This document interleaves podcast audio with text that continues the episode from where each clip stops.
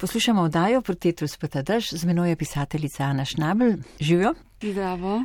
Razlog, zakaj sem vas povabila, je pa seveda vaš novi roman Plima. Išel je pri Beletrini uh -huh. in gremo z romanom kar na obalo, slovensko obalo. Všeč mi je vaš začetek knjige, kjer pišete, da je avgust najbrž krut mesec. Začnete z borovci, z to neverjetno natančno opisano atmosfero, ki smo jo lahko že mi vsi večkrat doživeli. Ti so tipično bujno obaljno rastje, razne vonjave, ki se mešajo z morsko rižoto, z borovci, z avtomobilski spuhi. Roman se začne kot nekak najboljši filmski scenarij, kjer se pojavijo že prvi liki, nekako očrtete razmere, v kateri živijo. Jedro zgodbe same je pa daleč. Puščate nas v napetosti, to ni tako ležerno branje, ampak dogajanje beremo z veliko mero koncentracije. Gre za vaše tretje literarno delo. Leta 2017 so išle vaše kratke zgodbe, naslovili ste jih razvezani, potem roman Mojstrovine. Prejmete seveda nagrade, prevajajo vas v tuje jezike, no in zdaj tu plima. Pa me zanima, kako ste doživeli ta izid knjige? Um, v resnici kot vse do sedajšnje, pred izidom sem bila izjemno vznemirjena tudi vesela, radostna bi lahko rekla, potem pa, ko je knjiga enkrat išla, me je zagrabila blaga depresija oziroma melanholija, ki moče še vedno traja. Ne? Ker zdaj je knjiga živa, um, ne samo živa, zdaj je ločena od mene, ne? jaz se ne morem več uh, dojiti, pa skrbeti za njo, ampak je v rokah drugih ljudi, ne vem, kaj se bo z njo zgodilo. In ta um, to razmerje med, med mojo kontrolo in spuščanjem kontrole za me je vedno, vedno zelo težko in tako je mhm. že od prve knjige dalje. No. To za me ni srečen čas, srečen bo morda čez pol leta, ko pozabim to, da sem karkoli izdala.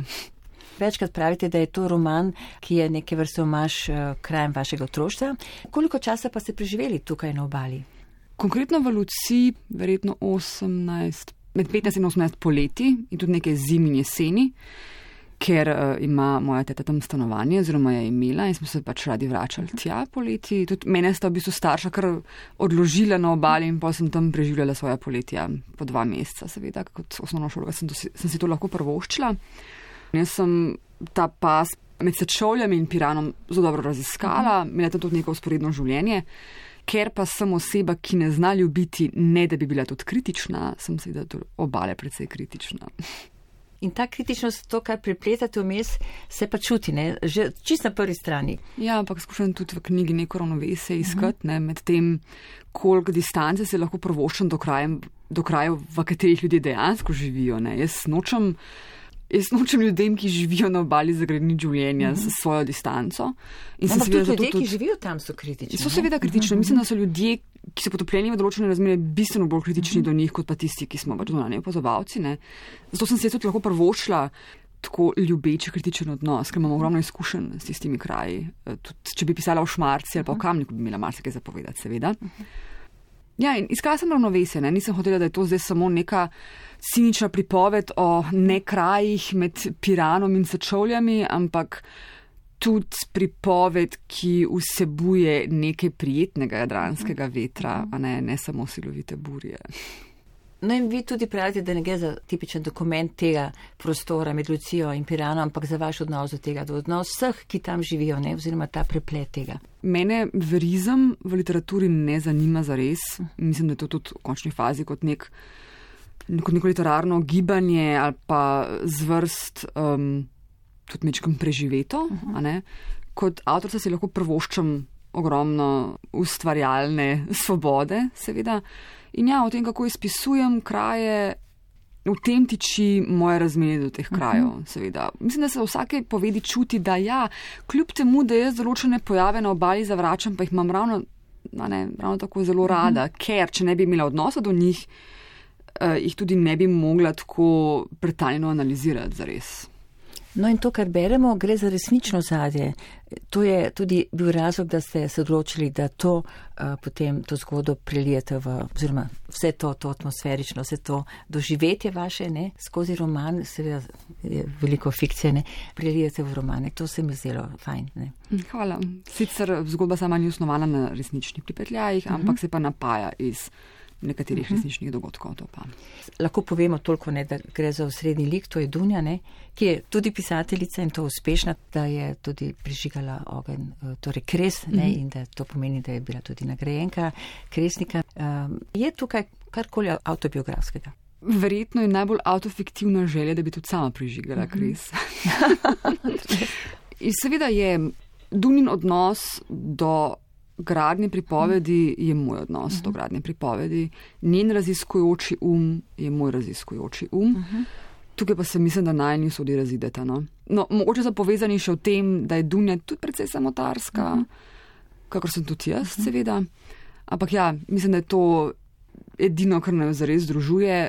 Vanjo, oziroma v njeno usodo, sem prilila veliko svojih ambicij ali pa nekega wishful thinkinga. Ne? Recimo, no, in ta naša pisateljica Dunja se vrne na obalo z razloga, da bi pisala romane. Potem skozi samo pripoved izvemo, ne, da je ona zaznamovana že iz otroštva zaradi nekih tragedij, torej smrti očeta in predvsem brata, ne, ki je naredil samomor.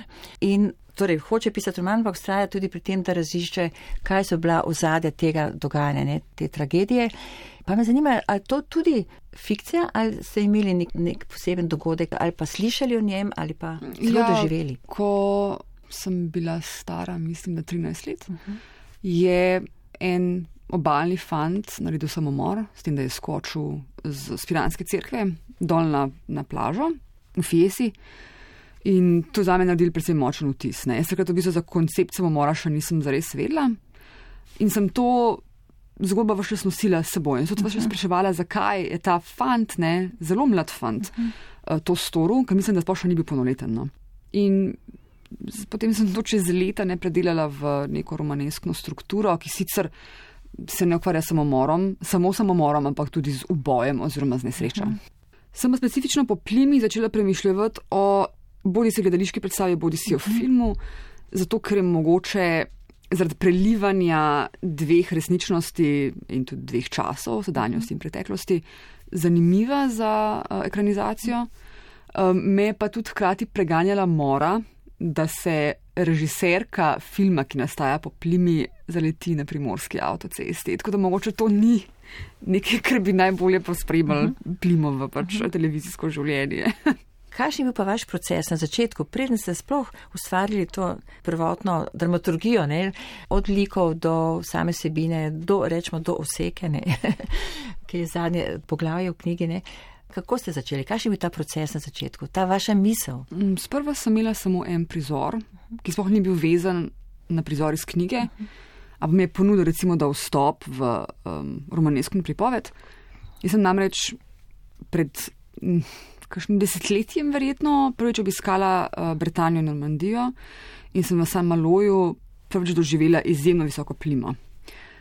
To pomeni, da se, ko se čez dan plima omakne, ne pa čas, v času oseke, se lahko človek sprehodi do bližnjega otoka, začeti tega več ne more. Um, in ta plima je name naredila močen vtis in sem se, ker sem pač obsedena s kriminalnimi zgodbami, vse čas spraševala, kako bi bilo, če bi ne, v tej plimi med nasadi klapavic zgledali kakšno truplo. No, in to, to truplo med nasadi klapavic, skupaj z zgodbo o samomoru tistega mhm. fanta z obale, se je nekaj časa medil v moji domišljiji in sem se odločila, da temu podarim mesto v mhm. književnosti. Pričemer sem vela, da se ne morem ukvarjati z Britanijo, ker nimam z Britanijo nobenih izkušenj. Vela sem, da me ne zanima za res resnična zgodba fanta, ki si je vzel življenje, ker pač bi bilo to predvsej nepošteno, ne, da bi si umišljala njegovo življenje. Torej sem na podlagi teh dveh, recimo, da indico potem razvijala celotno zgodbo. In prvi prizor je bil edino, kar sem glede romana res poznala. Se pravi, videla sem Dunjo, ki opazuje, v spominu opazuje svojega brata, ki stoji na balkonu, od tam naprej pa vse bila v bistvu neke vrste igra in tudi eksperiment. In jaz sem si žanr kriminalke sposobila za to, res izposodila in ga tudi zlorabila in zavrgla, da sem lahko pletla in konstruirala pripoved, da sem se v tistih momentih, ko sem se zapletla, lahko k nečemu obrnila. Ja, v bistvu je roman nastajal predvsej eksperimentalno, za razliko od mojega prejšnjega, ki je bil bistveno bolj togo strukturiran. Um, tukaj pa sem, mislim, da že zadobila toliko izkušenj, da sem se lahko sprostila v v gradni pripovedi. No, vse ne? nekje izjavite, da vam je ta roman dal več svobode kot prejšnji. Ne? Definitivno. Ja, predvsem, da ste se prav dobesedno uživali, ko ste ja, ustvarjali. Kljub temu, da je, bila, da je ta zgodba neprimerno bolj tragična od uh -huh. zgodbe mojega prejšnjega romana, sem se res zabavala. Ne? In moče se to tudi na momente čuti v romanu, ne samo v slogu, ki je zelo tak, um, kako bi rekla, frivolen, ampak tudi v humorju, ki vstopa v roman. Koliko časa ste ga pa pisali? Bruto čas vredno leto in dva meseca, uh -huh. neto osem mesecev. Ampak je nastal. Intenzivnih. Zelo intenzivnih uh -huh. mesecev, uh -huh. ja. Intenzivnega pisanja, malo manj dela za denar, pa veliko pisanja. Uh -huh. To je tudi obdobje revščine v končni fazi, ampak se je splačalo. No, jaz sem se imela zelo fajn. Zdaj bom pa nekaj prebrala. Ne? Eh, Virginia Woolf je verjela, da se lahko določen lik predstavi samo skozi tok zavesti. Uh mhm. In mi vemo, ne, da čeprav so literarne osebe običajno izmišljene, je pa nekaj tudi resničnih. Ne.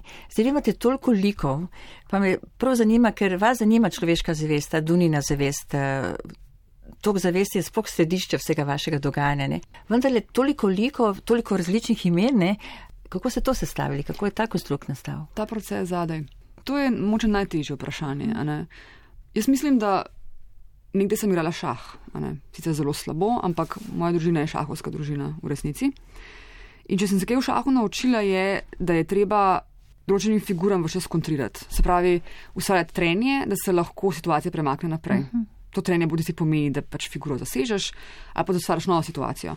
Potem, ko sem enkrat oblikovala Dunjo, se je vse po neki po logiki kontriranja ne, gradilo naprej. Se pravi, jaz sem morala Duni ustvariti nek kontrasten lik, najboljšo prijateljico Katarino. Katarini sem morala ustvariti kontrastnega partnerja, Kristjana, in potem tudi Duni ustvariti kontrastnega brata. Ne kontrastnega v smislu popolnega nasprotja, ampak nekaj, kar bi podaril Dunine značilnosti in tudi moče draženove značilnosti.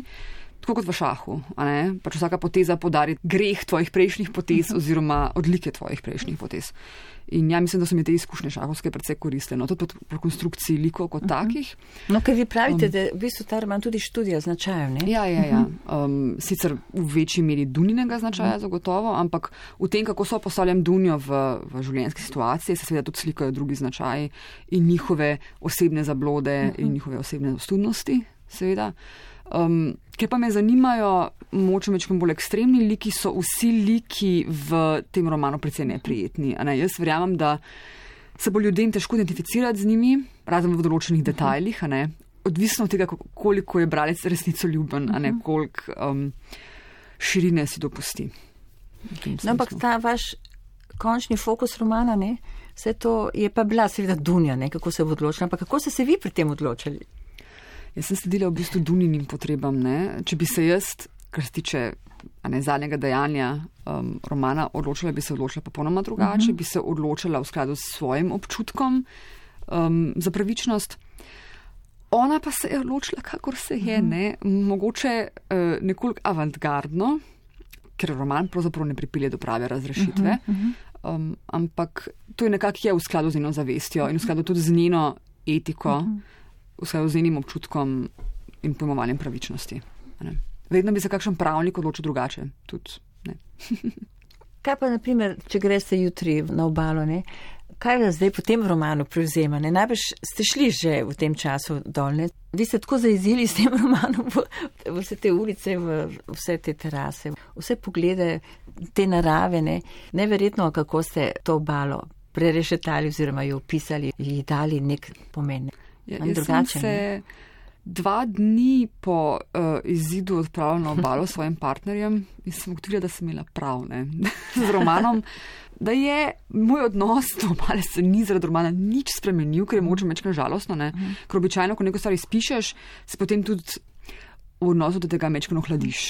Mene pa hladnokrvnost v odnosu do tistih krajev še ni zadela, mogoče me bo.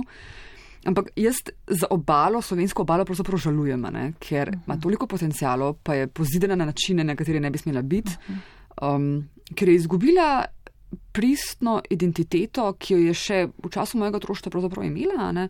zdaj pa se utaplja v nekih monokulturnih predstavah tega, kaj ne bi obala bila. In je predvsej neinteresantna. Pa tudi zelo obljudena, ker moče meni ustreza to zelo. pa tudi zelo prometna, ne? Ja, zelo, ja. Polno rondojev uh -huh. in kot vemo, so rondoji običajno znak za pranje denarja, no? tudi v Sloveniji, ne samo v Srbiji. Um, tako da ima kar nekaj negativnih značilnosti, pa hkrati ima pa tudi ogromno skritih kotičkov, za katere vemo, kvazi domačini, ne? kamor se lahko um, skriješ pred vsemi turisti in se zaviješ pač v zvok škržato, pa mogoče v butanje morja. No, in kot ste že tudi rekli, plima je tudi neke vrste v maš jeziku. Ne? Ta roman dopušča veliko lepega in poetičnega, ampak po drugi strani pa tudi toliko nekih izrazov, ki jih nismo vajeni, da jih uporabljamo v vsakdanjem jeziku in tega kar veliko, vi kar dopuščate to svobodo. Ne? Točno tako je ne? Mhm. in ni drugače. Ne? A ste imeli To so vas že drugi tudi vprašali. Težave z lektorji so vas hoteli popraviti ali ste, so vam dopuščali nekatere stvari? Jaz sem imela veliko srečo, ker um, sem imela odlično urednico, Špilo Pavlič na Beletrini, ki je vedela, kakšen roman to je. Še preden ga je prebrala, je po mojem slučaju, da pač bom ponudila nekaj čudnega. Um, in je potem tudi lektorica opozorila, da naj se v besedilo kot tako ne utika preveč konzervativno. In sedaj pa to rektor sta to upoštevala in tudi sjajno izpeljala zadevo, ne, da je bistveno bolj brljiva, kot je bila v začetku, bistveno čistejša, kot je bila v začetku. Kljub temu, da je tekst sam po sebi zelo nečist, ker vsebuje toliko enih kalkov, toliko anglicizmov, eh, toliko vulgarnosti v končni fazi, slenga in podobno. Ne. Registri se vse čas menjajo. In vem, da je. To je ena zelo posebna bralska izkušnja, ampak sem hotela biti zvesta ne samo Duninemu toku zavesti, ampak tudi temu, kako mi dejansko govorimo, ne? kako se pogovarjamo sami seboj. Da se ne, misli pravzaprav ne končajo, ampak se prilivajo nekaj drugega, pa tečejo usporedno ena z drugo, da so si konfliktne, mogoče tudi, in predvsem ne prihajajo v jeziku, ki bi bil tako zelo izbran. V bistvu gre za romaneskno napeto družinsko zgodbo, ne, mm. ki ima seveda elemente eh, kriminalnega romana, vendar to ni tak tipičen ne, kriminalni roman. Ne, ni, ne gre za procesualni mhm. -huh. krimič oziroma hudanit, kot je temu reče v angliščini. Mhm. -huh. Ker Dunja eh, ni prava preiskovalka, uh mhm. -huh. nima pravega znanja, ni opremljena z nobenimi metodami in tehnikami, ni ta ne, dus ex machina, ki bo zdaj uh -huh. pač rešila primer, kot ta razbirsa, da nima, ampak so se odvija po nekakšnem naključju. Hkrati so pa v plimi vsi nekoliko zločinski, oziroma vsi nekoliko sporni in se jaz moče igram, um, prej s tem, kot pa samo kriminalno zasnovo. To me ne zanima toliko zelo. Moče bolj v kontekstu tega, da Dunja mora, a ne s časoma, uzreti obraz storilca oziroma storilke. Dunja je starejša v romanu od vas, ne? kot uh mhm. -huh. pisateljica. Nekoliko je, ja, ampak recimo, da sem jaz stara duša, ne? da sem mogoče bolj generacija X kot pa milenika. No, tudi njeni monologi so, ne, eh, sicer kot vi sami rečete, gostobesedni, ampak niso preveč nasičeni, taki sproščeni so, ne. To je vaš način izražanja? V resnici ne. Uh mhm. -huh. Če bi primerjala sloga... Ne, dobesedno seveda, no, ampak dobesedno, ta način ampak, ja, jaz sem, jaz sem predvsej obešenjaška uh -huh. in tudi mhm. Dunja je obešenjaška. Uh -huh. Okay, Dunin tok zavesti, seveda lahko je obešenjaški, ker je kao, ne, nihče ne sliši. Ona si zamišlja, da nihče ne sliši, čeprav jaz slišim jaz, avtorica, pa slišite vi, bralci. Um, in zato lahko precej ironično in podobno, ampak ja, to je moj način govora, um, moj tip humorja v končni fazi, moj tip zavesti na en način. Kljub temu, da je potopljena v svojo travmo, v odnosu do nje tudi moče mečkan ironična, neke distance vseeno ima, in nas ne gleda kot na. Um, neko večno žrtev, ampak prepoznava tudi svoje slabosti, ki so ločene od, od pritiska travme. In mene je ta tip zavesti precej zanimal, ni pa to čisto moj. To moram povedati ne? in podariti. Sa pa bi predvsej obešenjaški, to pa res. Ona je v bistvu predstavnica neke intelektualne persone, se pa gibljem v razredu, ki ni, ne vem, ki se ne bo hoti z narjem, neki, yeah. Ja. ampak ima eno svojo, en svoj način življenja. Ne? Ki nam je zelo prepoznaven. Ja, um, to je v bistvu delovski razred, uh -huh. ne, obaljni, recimo uh -huh. delovski razred, če pač to še lahko govorimo o klasičnem proletariatu. Uh -huh. Najbolj izobražena oseba ne, v, v celotni družščini je verjetno Kristjan. Ona tudi v bistvu najbolj stabilna služba in ja. najbolj stabilna -huh. plača. Ampak so vsi po vrsti ne, predvsej ujeti v, v razmere, v katerih živijo. Tako v ekonomskem, kot v nekem duhovnem, pa intelektualnem smislu. In Dunja je primer te osebe, ki je po naključju v bistvu te razmere zapustila, ker se je na neki točki preselila z mamo v Ljubljano. Ne? In vstop v Ljubljano je potem ponudil tudi nek drug simbolni kapital, do katerega prebivalci obale oziroma ti štiri liki, ki so tam ostali, ne dostopajo. Ne? Kar pa ne pomeni, da so oni v svojih razmerih, razmerah samo nesrečni. Ne? Jaz nisem hotla do teh likov nekega pomilovalnega odnosa izpisovati, ker bi to bilo predvsej ponižujoče. Jaz mislim, da lahko ljudje, kljub temu, da živijo v razmerah, ki niso optimalne in centralne in ljubljanske, uživajo. Uh -huh.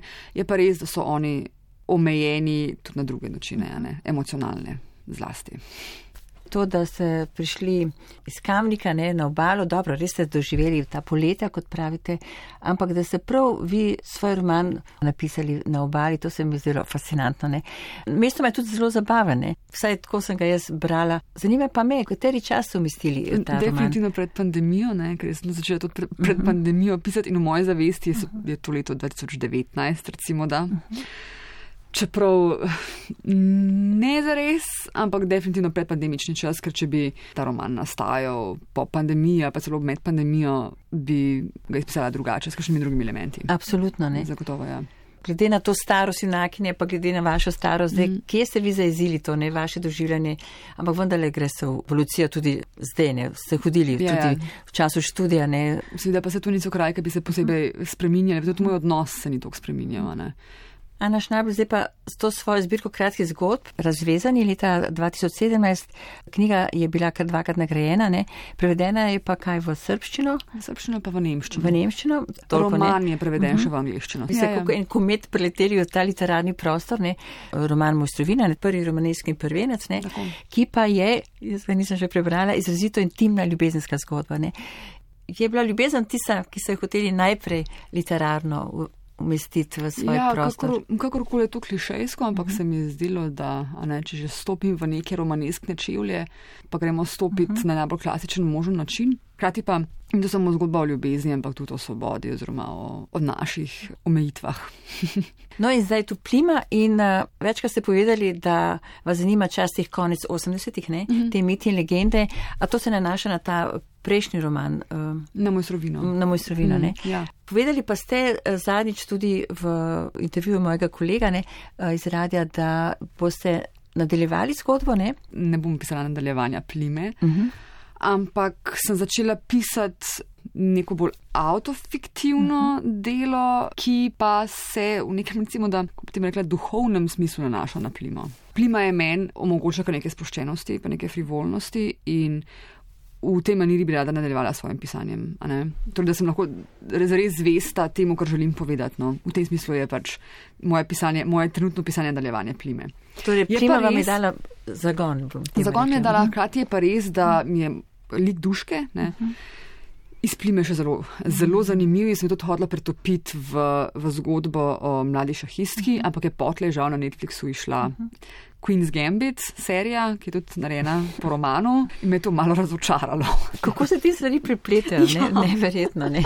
iz drugih koncev, iz drugih krajev. In se ga tudi predvsej fascinantno je, da pač plima vsebuje eno poglavje, šahovsko poglavje -huh. in da je kar nekaj šaha v resnici v, v plimi. In da sem jaz to poglavje pisala moče mesec, preden je išla serija na Netflixu, preden sem izvila za roman o Queen's Gambit in kar nekaj je bil šah del popularne kulture, ta pač pozabljena praksa. In se mi je zdelo, da je to mogoče neko znamenje. Sicer ne vem zakaj, ampak za nekaj pa upam. No. Včasih sem spraševala prosto vprašalnik na koncu vsakega pogovora, zdaj pa sem prebrala v Financial Timesu um, ena vprašanja, ki so dobesedno namenjena samo pisateljem, mladim, pravzaprav točno takim, kot ste vi. Vam bi bom nekaj zastavila. Ana Šnabel, kakšnega bralca si želite? Širokega. Katera knjiga je spremenila vaš tok razmišljanja, glede na to, da ste zdaj res Aha. pisateljica. Ne? Infinite Jest Davida Fosterja Wallace, ki še ni prevedena v slovenščino. Mislim, je prevedena v slovenščino, ampak prevajalec tega nekako še ni izdal. Zakaj? Ker mi je pokazala, da lahko pišemo točno o tem, kar me najbolj zanima. Ne? Ker Infinite Jest je tudi en tak manifest. Svobodi, to me je pa fasciniralo. Pač knjiga, ki bi jo moral nekdo urediti, pa skrajšati, ampak hkrati je to, mislim, nepozabna bralska izkušnja ker se je avtor res potopil v čisto vse, kar ga je v hipu interesiralo in hkrati še zgradil zgodbo, ki je vlekla ne? in ukvarja se z ljudmi, tako kot jaz. Kakšna je vaša dnevna pisateljska rutina? Vstanem zgodaj, šestih, sprehodim pse, pojem zajtrk, začnem pisati in sem do dvanajstih verjetno že končala, na kar se moram pa lotiti dela za denar. Če je, kakšna je glasba, ki vas spremlja pri pisanju? Jaz potrebujem absolutno tišino, sicer se ne morem skoncentrirati. Ko pišete, kaj vam lahko po noči krati spanec? Ali se naspite? Ne, v bistvu mi je v zadnjih mesecih kar nekaj zadev kratilo spanec, določenih stvari nisem znala pravilno artikulirati. Paragrafi so bili med seboj nekonsistentni, niso dobro tekli in potem sem se recimo ulegla, skušala zaspati, spet ustala, okoli polnoči in šla za kakšno uro ali pa dve tipkat, da sem popravila pač napake za seboj in tudi ugotovila sem, kljub temu sem zelo jutranji tip človeka, da mi moče za to, kar se ustvarjam zdaj, nočna atmosfera bistveno bolj prija, jaz sem tako bolj produktivna in tudi iskrenejša, resnicoljubnejša. No, o svobodi pisanja zadnjega romana sva že govorili, ampak kdaj se vi počutite vendarle najbolj svobodni pri svojem delu? Ko mi uspe napisati deset zapovednih povedi, brez da bi to prekinila, ker sem izjemno počasna, izjemno dvomeča. Plimi nisem bila toliko, no? ampak načeloma sem dvomeča in počasna in mi zelo gaja, nadušena sem sama nad sabo, kadar teče, misel teče. Kadar nisem preveč obsedena s tem, kaj še vse bi morala povedati, ampak je, sem recimo, da nekaj snovi že to premislila, eh, da se pač same ponujejo na papirju. Zdaj pa eno tako klišejsko vprašanje, kateri roman bi dali otroku, da bi ga uvedli v svet literature? Ojoj, jaz bi mu dala zajtrk prvakov, odkrita vonegota. Predvsem zaradi dostopnosti. -huh. Je roman spisan na nek predvsej tolažeč način, zlasti za tiste, ki se mogoče ne čutijo najbolj pripadne. In vem, da bi se otrok zagotovo na neki točki ukvarjal s tem, komu pripada ali pripada, da so moje prijatelje in podobno. in zadnje vprašanje, kaj za vas pomeni biti pisatelj? Vem, da se ponavljam, ampak svobodo verjetno, pa igro, predvsem igro. Ana Šnabel, veselilo me je, da si bila gostja vdaji Protetus Peta Drž. Eh, bom brala še ostali dve literarni deli res z velikim veseljem in z veliko radovednostjo in se veselim vsakega vašega nedaljnega pisanja in bom spremljala, seveda. Najlepša hvala za komplimente, pa hvala za vabilo v oddajo. In vse dobro vam želim. Tudi vam. Hvala za vabilo.